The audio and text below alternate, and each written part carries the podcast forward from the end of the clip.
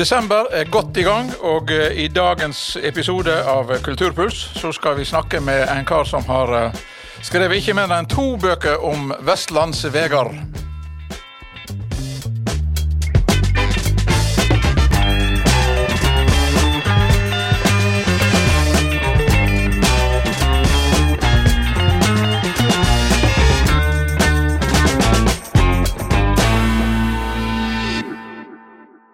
Halvor Folgerød, velkommen. Takk skal du ha. Denne fascinasjonen for eh, gamle og nesten ubrukelige veier, hvor kommer den ifra? Jeg tror kanskje at den, den stammer helt, går tilbake til barndommen. fordi at eh, når vi kjørte, Jeg husker når vi kjørte på ferie og kjørte på sånne plasser som var eh, der veien lå ut på kanter og der det var litt luftig, så var, jeg synes jeg det var gysla spennende. Og så hadde jeg en bror, eller har en bror, som, som den gangen da samla på prospektkort. Ja. Og Der var det jo ofte bilder av sånne gamle svingete veier. og det- det- det- så det gjorde nok inntrykk på meg allerede den gangen. Akkurat. Men fascinasjonen som har gjort at jeg har begynt å skrive bøker om det, den er nok av nyere dato. Ja. Den skriver seg fra en helt konkret reportasjetur som vi hadde for NRK oppe i Jordalen eh, her i Voss. eh, 2016, når de skulle få ny vei til Jordalen, ja. så lagde de en reportasje om den gamle veien siste vinteren han var i bruk, for jeg tenkte jeg må få dokumentert. Altså Så fæle veier som den gamle veien opp til Jordal er det jo ikke mange igjen av.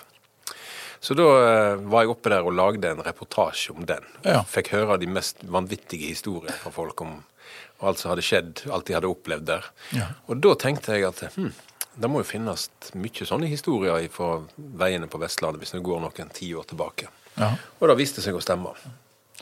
Ja, både du og, og jeg eh, er jo kommet i en alder der vi har kjørt masse av disse veiene Ja. på Vestlandet. Eh, jeg går ut ifra at altså disse her bøkene, Nå er det jo to bøker, 'Vestlandsveger' og flere 'Vestlandsveger'. Og eh, de selger jo godt, men jeg vil tro at de aller fleste leserne er vestlendinger. Ja, det trodde jo jeg òg, Ja. men den har faktisk solgt ganske godt. Altså den første, den solgte faktisk ganske godt uh, i Oslo òg. Ja. Mm. Nå bor det jo mange vestlendinger i Oslo, da, så, men uh, jeg tror faktisk at det er en del andre folk òg som finner fascinasjon i å se disse bildene Ja. av hvordan det så ut den gangen. Og så har jeg òg en del nye bilder av hvordan de ser ut i dag, pluss eh, nokså mye historier om mer eller mindre dramatiske hendinger som har skjedd på disse veiene. da. Eh, hvor mange veier er det du har nå omtalt i disse to bøkene til sammen? Ja, da må jeg tenke. Jeg tror vi er oppe i nå 24 kapittel til sammen. 24 strekninger. Da. Noe, Ja. Det er i hvert fall ikke langt unna sannheten. Nei. Var det planen helt fra starten av å lage to bøker? Nei, Nei. det var det ikke. Jeg hadde en idé og gikk og eh, presenterte den til Samlaget. og med, med litt sånn skepsis i bånn, så, så tente de nå på Sunn skepsis, som sagt. Ja. Jeg har jo gitt ut et par bøker der på Samlaget før, Ja. sammen med Finn Tokvam. Så Ja. De visste nå hvem jeg var da, kan du si. Og så, så da fikk jeg nå den tilliten. Og, og, men jeg tror ingen, verken Samlaget eller meg, hadde drømt om at dette skulle bli så populært. som Nei, det ble. Det er jo noe med fascinasjon eh, over ting som Altså sånn skrekkblanda fryd. Ja, sant? det altså det, det, dette der eh, Det er akkurat der det er. ja, Sant? Eh, Dette her magesuget som du føler når du står yst på kanten og veit at du egentlig er trygg, men det kunne ha gått galt. Ja. Og, og grensen mellom fryd og skrekk, den er jo, den er jo hårfin. Ja. Det skal ikke mye til før, det, før fryden forsvinner og det, du står bare igjen med skrekken. Ja, det er det nok mange som har fått erfare. Ja da. Så øh, var det var mange som trodde sånn til å begynne med at, øh, at dette her var sånn nostalgibøker. At øh, åh, se hvor flott det var før i gamle dager. Mm. Ja, ja, ja, ja. Men det er det jo da ikke. Altså, hvis en leser de historiene jeg skriver, så er det jo på ramme alvor. Det er på liv og død, rett og slett. Ja, ja. Og til og med på død, ja. Ja, Ja. det òg. Ja. Det er jo en del av eh, ettermælet til noen av disse veistrekningene, da òg. Men når du gir ut to sånne omfattende og store bøker på så kort tid, så betyr det vel at du egentlig var langt på vei med bok nummer to før bok nummer én kom ut? Ja, det stemmer, Da Da må du nødvendigvis ha vært. Ja, jeg var Jeg hadde vel cirka Ja, jeg hadde fem kapittel som jeg ikke fikk plassert i den første, rett og slett fordi at den ikke skulle bli altfor tjukk. um, og i og med at den første gikk så bra, så ville gjerne forlaget at jeg skulle lage ei til. Så, Ja. Og da var det å finne en seks kapittel til, da. Så jeg hadde, jeg hadde nesten ei halv bok, kan du si. Ja. Men ehm, du, jeg husker jeg snakket med deg, her, og da sa du at du var egentlig litt uh, lei deg for at uh, du har mye sør, mye nord, mye indre strøk, men ikke så mye ute på kysten. Nei, ute med kysten har jeg ikke vært så mye. Nei. Og det har noe å gjøre med selvfølgelig hva, hvor du har erfart, og hvor du har kjørt mye sjøl. Det er det det ene. Og så er det noe sånn, Du må begynne i en ende, og så Ja. får du noen tips, og så forfølger du dem. Og så blir det da kanskje noen områder som blir mer stemoderlig behandla enn andre. Ja. Eh, Sunnfjord og Nordfjord har jeg heller ikke så veldig mye ifra akkurat de områdene der. Jeg husker jeg prøvde meg på noen folk, men der kom jeg liksom ikke så langt med det. Du er avhengig av å treffe på noen folk som, som eh, ja, er entusiastiske for prosjektet, og som forteller deg ting, selvfølgelig. Kan det bety at det ligger i bok nummer tre på lur? Det hadde ikke vært noe problem Nei. Ut fra antall veistrekninger eh, og ut fra spennende historier, så hadde det ikke vært noe problem å gitt ut ei bok nummer tre, tror jeg. Men jeg har ikke bestemt, jeg har ikke tatt noen beslutning om det ennå. Nei. Har du oppsøkt alle disse strekkene som du skriver om? Har Ja. du vært der sjøl og fysisk sett? Ja, men kanskje med ett eneste unntak eh, så har jeg vært der sjøl, ja. Ja. ja. Og det- For det er litt viktig. Hvis du skal skildre hvordan en plass ser ut, Ja. så må du ha vært der sjøl. Ja. Og den unntaket, der har jeg nok òg vært sjøl. Det var på denne gamle Du vet, det var en ferjekai i Sogn som heter Refsnes. Ja. Før i tida gikk ferja over Sognefjorden, iallfall den indre ferja, fra ja. Kaupanger til Refsnes. ja. Eh, og Den ble nedlagt i 1995, rett og slett pga. at veien fra Lærdal og ut til Refsnes var så vanvittig rasfarlig. ja. Eh, så jeg har vært der den tida det var i drift som ferjekai, men jeg har ikke vært der etterpå. Nei, akkurat. Men, eh, men eh, er disse her veiene, en del av de er jo nedlagt i dag, men enkelte strekninger er vel fremdeles i bruk? Ja, å ja. Ja. Flere er Ja. Eksempel i, i Voss sitt nærområde, da. Ja. Altså det vil si nærmere bestemt Vaksdal kommune. Der er det jo to veistrekninger jeg har skrevet om som begge er i bruk fortsatt, og som er forbausende lik sånn som de var når de var Den ene er jo veien opp Bergsdalen, Ja. fra Dale og over til Bulken. Den andre er veien fra Dalseid og inn til, til Eidslandet. ja. Det er jo virkelig, altså Begge de to er jo Du kan kalle det levende veimuseum, på en måte. fordi eh, det er derfor folk virkelig opplever hvordan vestlandsvei var Ja, ja. før. Det, det er jo eh, Altså, når du sier at det er forbausende like sånn som de var, så er det vel egentlig ikke forbausende når en kjenner norsk eh, veibyggingshistorikk. Nei, kanskje ikke. det har vel ikke akkurat vært overflod av uh, nytenking og bygging av nytt. Uh, Nei, det, det kan du si, men, men nå er det jo, hvis en ser Vestlandet under ett, så har det jo kommet seg enormt Ja. i denne landsdelen òg. Stadig mer av reiser langs vestlandskysten foregår inn inne i mørket, inne i fjellet. ja. Og det skal vi jo egentlig være glad for. Selv om selvfølgelig eh, baksida av det er at du, det blir mindre spektakulær natur å se. Men eh, alle vil vel ha trygge veier. Som turistmagnet fungerer det ikke veldig godt. Ikke veldig godt. Nei. Det er jo det som gjør at jeg reagerer på at eh, NSB gikk over til navnet Vy, som skulle bety utsikt. Så når du ser alle disse tunnelene opp til Finse, så er det jo ikke mye utsikt å se. Nei, det er ikke det. Det er ikke det. Det er mest innsida av fjellet. Ja.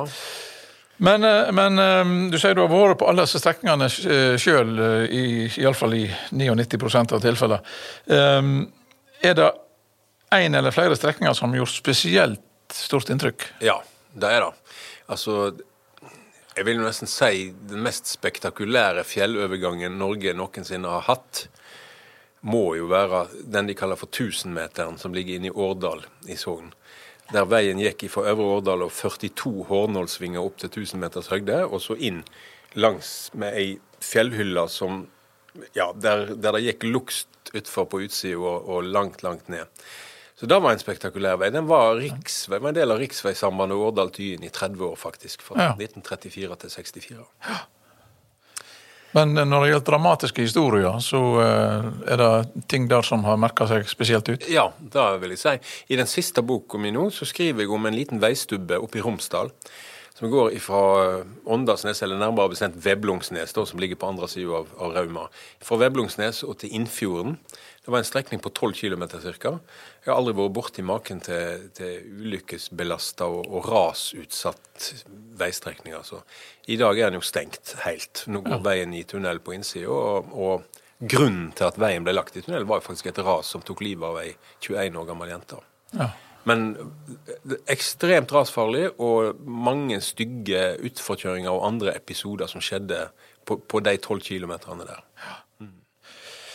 Ehm, ja, når, når um, hvis, du, hvis det blir aktuelt med bok tre, og hvis de nå får fart på K5, så kan det jo hende at E16 kan komme inn i, Ja, i neste bok. Den er foreløpig ikke gammel nok. Nei, men uh, rasfarlig er han nok. Ja, er han. eh, Og ut, ulykkesutsatt. Absolutt, Ja. i høyeste grad. Mm. Men det er jo noe med at hvis du skal Altså, i det, dette konseptet mitt, så må det på en måte være Hvis det er hovedveier som folk kjører på i dag, tofeltsveier og sånt, Ja. da, er jeg på en måte ikke helt inne i Nei. det som jeg har definert som mitt prosjekt. Ja. Er det strekninger som har imponert deg spesielt når det gjelder veibyggingskunst, altså oh, ja. ingeniørbragde? Ja, hvor skal jeg begynne? Ja. Det, altså, vi har jo noen i, i nokså umiddelbar nærhet. altså Bergsdalsveien, f.eks. Ja. Og eh, Måbødalen, gamleveien i Måbødalen i Hardanger. Og, og Tåkagjelet. Helt utrolig. altså det, det fantes ikke antydning engang til, til et naturlig fundament å plassere en vei oppå. Så Da, da måtte de rett og slett bare sprenge ut i stupbratte fjellveggen. Og med den tids utstyr det er helt ufattelig. altså. Jeg har jo noen bilder i disse bøkene mine av veiarbeid fra den tida, særlig fra 20-tallet. Når de bygde vei langs Sørfjorden i Hardanger. Det, det går nesten ikke an å forestille seg. Sett med dagens øyne så ser det helt vilt ut, altså. Ja, nei, altså HMS sto vel ikke spesielt høyt kurs. Nei, det gjorde ikke det. Men likevel, altså eh, Jeg har ikke hørt fryktelig mange historier om stygge ulykker blant arbeidsfolk på disse veiene, selv om det var aldri så dramatisk. Nei, altså fuck, Måbudalsveien, så vidt jeg har kunnet lese meg til i, i den eh, litteraturen jeg har funnet om det, så skjedde det ikke dødsulykker mens de bygde Nei. den. Og heller ikke mens de bygde Tåkagjeldsveien, faktisk. Så vidt jeg har kunnet finne ut, iallfall. Det er av og til litt sånn Ja, det kan jo være det ting jeg har, oversett, men, så, men i det materialet jeg har hatt tilgjengelig, så har, så har det ikke vært noe Så det er jo nesten en skjebnens ironi at ulykken har skjedd etter at veien var ferdig. Og Ja. underveis, når en vet hvordan de jobber. Som på de Måbødalen, de stygge ulykkene som har skjedd der, skjedde jo etter at tunnelene kom på 80-tallet. Men, men det har jo ei åpenbar forklaring. Det Farten øker. Ja, ja. Rett og slett. Men, eh, men eh, på alle dine turer eh, så har du altså da truffet en god del mennesker som har eh, både opplevd sjøl og fortalt om andre sine dramatiske hendinger. Eh, Når du var her på Voss eh, for ikke så lenge siden, så fortalte du jo annet en historie om en familie som, som vel mistet to barn. Det var, også, var det òg oppe i Romsdalen? Det var på den strekningen jeg Ja. nevnte, Ja. mellom Veblungsnes og Innfjorden i Romsdal. Ja. Eh, der skjedde det. Det er jo en helt forferdelig vond historie. ja. Eh, de skulle hjem fra påskeferie og hadde siste etappe igjen å kjøre etter- etter å ha kjørt bil en hel dag. Dette var i 1975, 1. april, og det var glatt på veien. Og så havna de da opp på De fikk skrens i en sving og havna på støypekanten og utfor et 60 meter høyt stup. ja. Begge ungene omkom, og, men foreldrene overlevde. Så det er det jeg har intervjua, da. Ja, ja, ja. Hvordan møter du folk som har vært borti noe sånt, selv om det er mange år siden? Nei, en må jo gå veldig forsiktig fram, da. Ja. Eh, altså Du må jo gjøre en henvendelse. Ja. Men det som er iallfall min erfaring med de episodene jeg har, eh, der jeg har kontakta folk som har vært ute for så tøffe ting, så er det da at de De setter egentlig pris på at historien blir løfta fram òg, hvis Ja. det blir gjort på en skikkelig måte. Fordi at det er med å bidra til at de, de som da har mista sine kjære, da blir ikke disse personene bare et nummer i rekka av trafikkoffer, men de blir faktisk mennesker av kjøtt og blod som blir Ja, løfta fram. ja akkurat. Det er jo et omfattende bildemateriale i disse bøkene. Hvordan eh, har du gått fram for å få uh, raska til deg foto? Ja, nei, altså, eh, De eldste postkortene og sånt er jo, er jo til fri bruk. Det Ja. jo, nå husker ikke jeg akkurat regelen i hodet, men jeg tror det har noe med at hvis opphavs, den som hadde opphavsretten til det, eh, har vært død i 70 år, så, Ja. så er det fritt. Eh, ellers så er det jo da å få låne private bilder av, av folk. Og jeg har jo, altså Det har jo vært noe av den morsomste delen av jobben, å sitte på nettet og lete etter disse bildene. Det finnes jo veldig mye Facebook-grupper nå. Ja, ja, ja. Eh, lokale bilder, gamle bilder fra Voss, gamle bilder fra her og der. sant? Så jeg har jo meldt meg inn i et utall sånne grupper, da. Ja. Og, og bedt folk om tips, og bedt de sende meg bilder. Og jeg har fått masse respons på det. altså.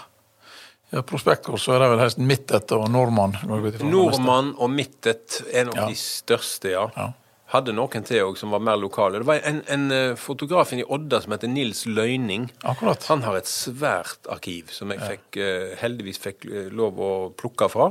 Det er jo da Kraftmuseet i Tyssedal som, som eier dette arkivet i dag, og de var veldig hjelpsomme og velvillige. Så han har tatt mye flotte bilder. Er det noen av disse her Er det noen områder, hvis du regner Vestlandet stort, som er mer representert enn andre når det gjelder farlige veistrekninger? Godt spørsmål. Ehm, det kommer jo an på hva du Hvis du ser det med den tids briller, altså fordi at farlige veistrekninger i dag handler jo mest om fart, kanskje. Ja. Men jeg vil nok si at eh, de farligste, de områdene som er, er best representert med farlige veistrekninger, ligger kanskje i Hardanger. ja. I Hardanger har det vært mye bussulykker. Og flere av de forteller jeg om i, i disse to Ja. bøkene. Særlig den første, da. Ved hjelp av øyevitner eller folk som var med på det ja. Ja, Vi husker jo begge to godt Måbedalsulykka. Ja. går jeg ut ifra. Det er jo den verste som har skjedd. Ja. Den går jeg ikke sånn veldig nøye inn på. Grunnen til at jeg ikke gjør det, er at den har vært så grundig behandla både i radiodokumentarer og fjernsynsdokumentarer og, og veldig mange avisartikler før. Der er det jo på en måte folk som var med på det, som har fortalt sine historier. Så derfor så Men sjølsagt er hun jo omtalt. Det skulle jo bare mangle. Ja, ja, ja. Det er jo det absolutt den verste som har skjedd. ja. Men, eh, men eh, når du da eh, forteller disse historiene, og, og ja, hvordan, hvordan eh, har du starta arbeidet liksom, med hver enkelt historie? Hvordan, hva, er, hva er driven inn i det, på en måte?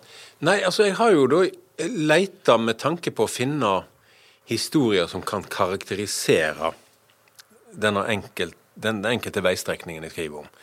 Og da vil jo si at du leter både etter dramatikk, du leter etter pussige, morsomme episoder. Du leter etter historier som, som sier noe om hvordan det var å kjøre på den og den veien. Ja. Eh, og da er det rett og slett eh, journalistiske kriterier. Sant? At Ja. du, du, blir, du får et tips, enten du leser om det i ei gammel avis, en gammel avisomtale, eller, eller du blir tipsa om det, og så er det å forfølge tipset og prøve å finne ut mest mulig om det. Ja. Jeg, jeg- for å ta ett eksempel, da. Jeg, I et gammelt sånn eh, hefte som var gitt ut om Tåkagjelet Det var en kar som heter Erling Sandven, som hadde gitt ut et sånn eh, hefte som heter 'Historie og stubber om, om uh, veien i Tåkagjelet', eller et eller annet sånt. Ja. Og der hadde han nevnt forskjellige ting, annet en episode med, med noen ungdommer som kjørte utfor veien, men som overlevde. Og tenkte jeg liksom Dette skjedde da i, på 70-tallet, sto det i heftet, så da, det, da er det jo stor sjanse for at disse det ennå. Ja. Men å finne dem var jo ja, Du googla selvfølgelig, du, Ja, ja, leita. Ja. Og så visste jeg at han ene hadde gått på yrkesskole i Nordheimsund. Så ringte jeg til yrkesskolen.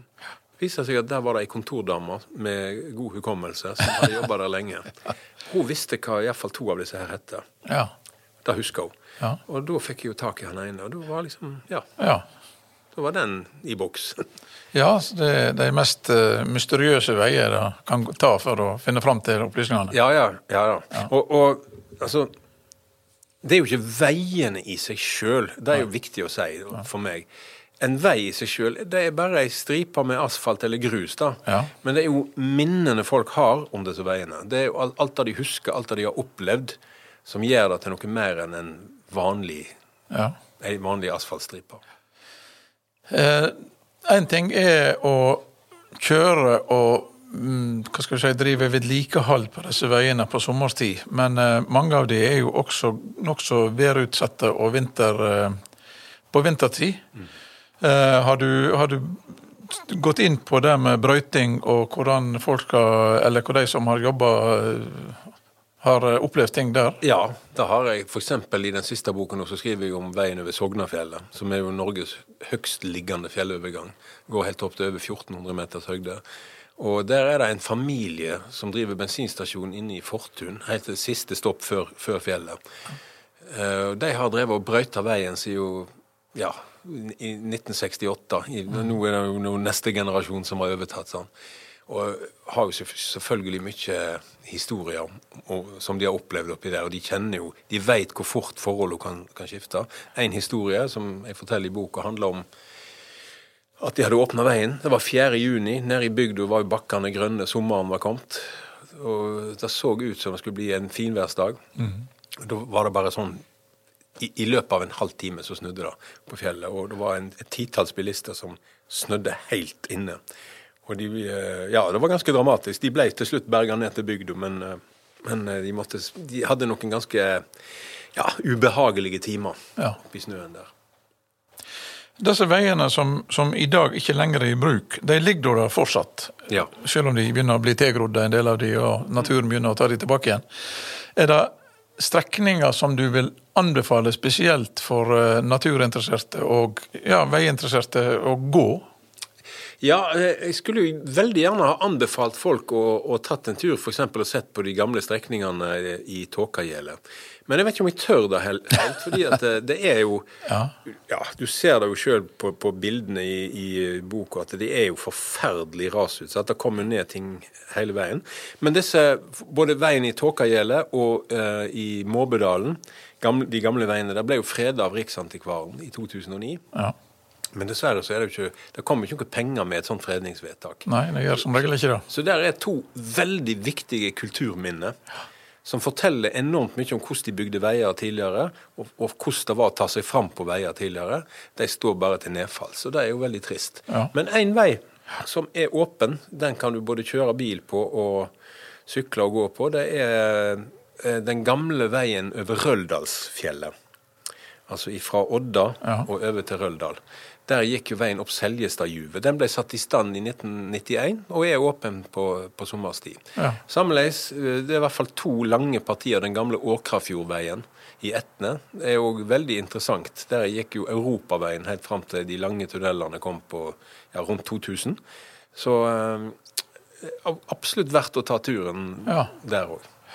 Og så er det vel òg en, en, vei i Lærdal som eh oppover svingene der, ja, på seg. Du tenker på den gamle kongeveien ja. fra 1840-tallet. Ja. Det er jo så spektakulært. Det er jo så vanvittig flott gjort.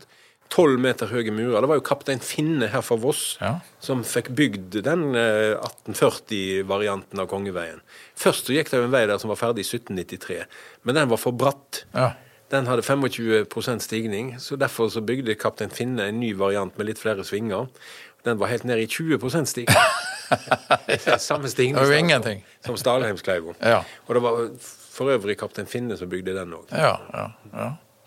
Og det er jo så nært, og i og med at det har Vossa-tilknytning, så bør jo absolutt vossingene ta den turen, iallfall. Ja, det er jo en utrolig flott uh, spasertur. De har jo rusta opp hele denne kongeveien. Du kan jo egentlig gå helt ifra Vang i Valdres og over til Lærdal hvis du vil da, eller du kan bare ta delstrekninger av den. Ja. Men den uh, kongeveien fra 1793, den, den fins jo der, den. Ja. Mm. Ja, hvis du, eh, hvis du Altså, hva, du har kanskje stoff igjen uh, til eventuelt tredje bok, men hvor hen ville du angripe neste gang hvis det skulle dukke opp noe nye? Jeg har jo fortsatt noen kandidater på blokka ja. som jeg ikke rakk å bli ferdig med. Blant annet Stalheimskleiva, faktisk. Ja, ja. Den sto jo selvsagt på blokka. Uh, når den ikke kom med, så var det rett og slett fordi den, den, er så kjent, tenker jeg. Den, den har det vært skrevet ganske mye om før. Så det var ikke den første jeg tok i fære med. Men den, jo, den hadde jo absolutt hørt hjemme der. Men ellers så eh, måtte jeg prøvd å komme meg litt mer ut mot kysten, tror jeg. Ja. ja. Det er, jo, det er, jo, ikke det at det er mangel på stygge veier ute på kysten. Nei, Nei slett ikke. jeg har jo personlig erfaring med noen av dem. så Ja, jeg tror det. ja. Ja, um, nå uh, har det vært en periode med ganske hektisk uh, boklansering. Uh, og du står på farten nå òg, og ja. skal rett til Lærdal og snakke med folk der inne. Ja, det er jo nesten som å gå opp til eksamen, da. jo da.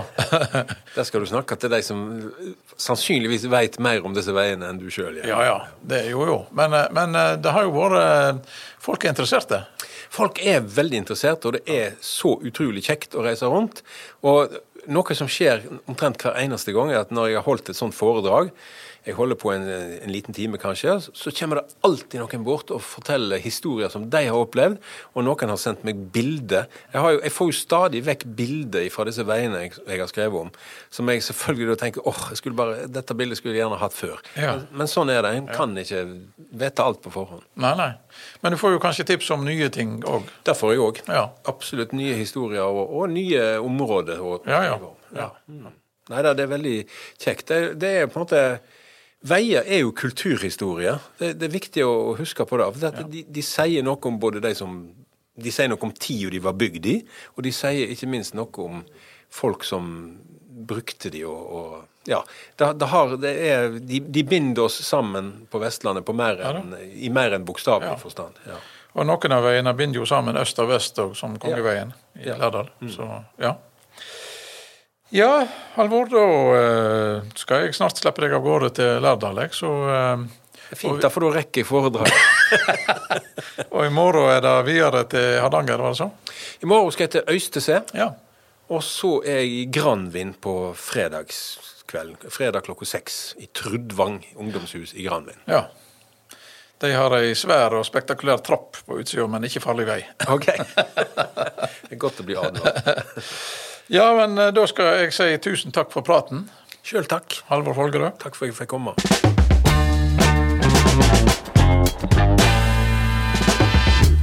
Det var dagens episode med Vestlandsvegar. Neste gang så er vi kommet helt fram til den 21. desember. Og da skal vi selvsagt snakke om gamle juletradisjoner, om ord som er knyttet til julefeiring, og mye mer.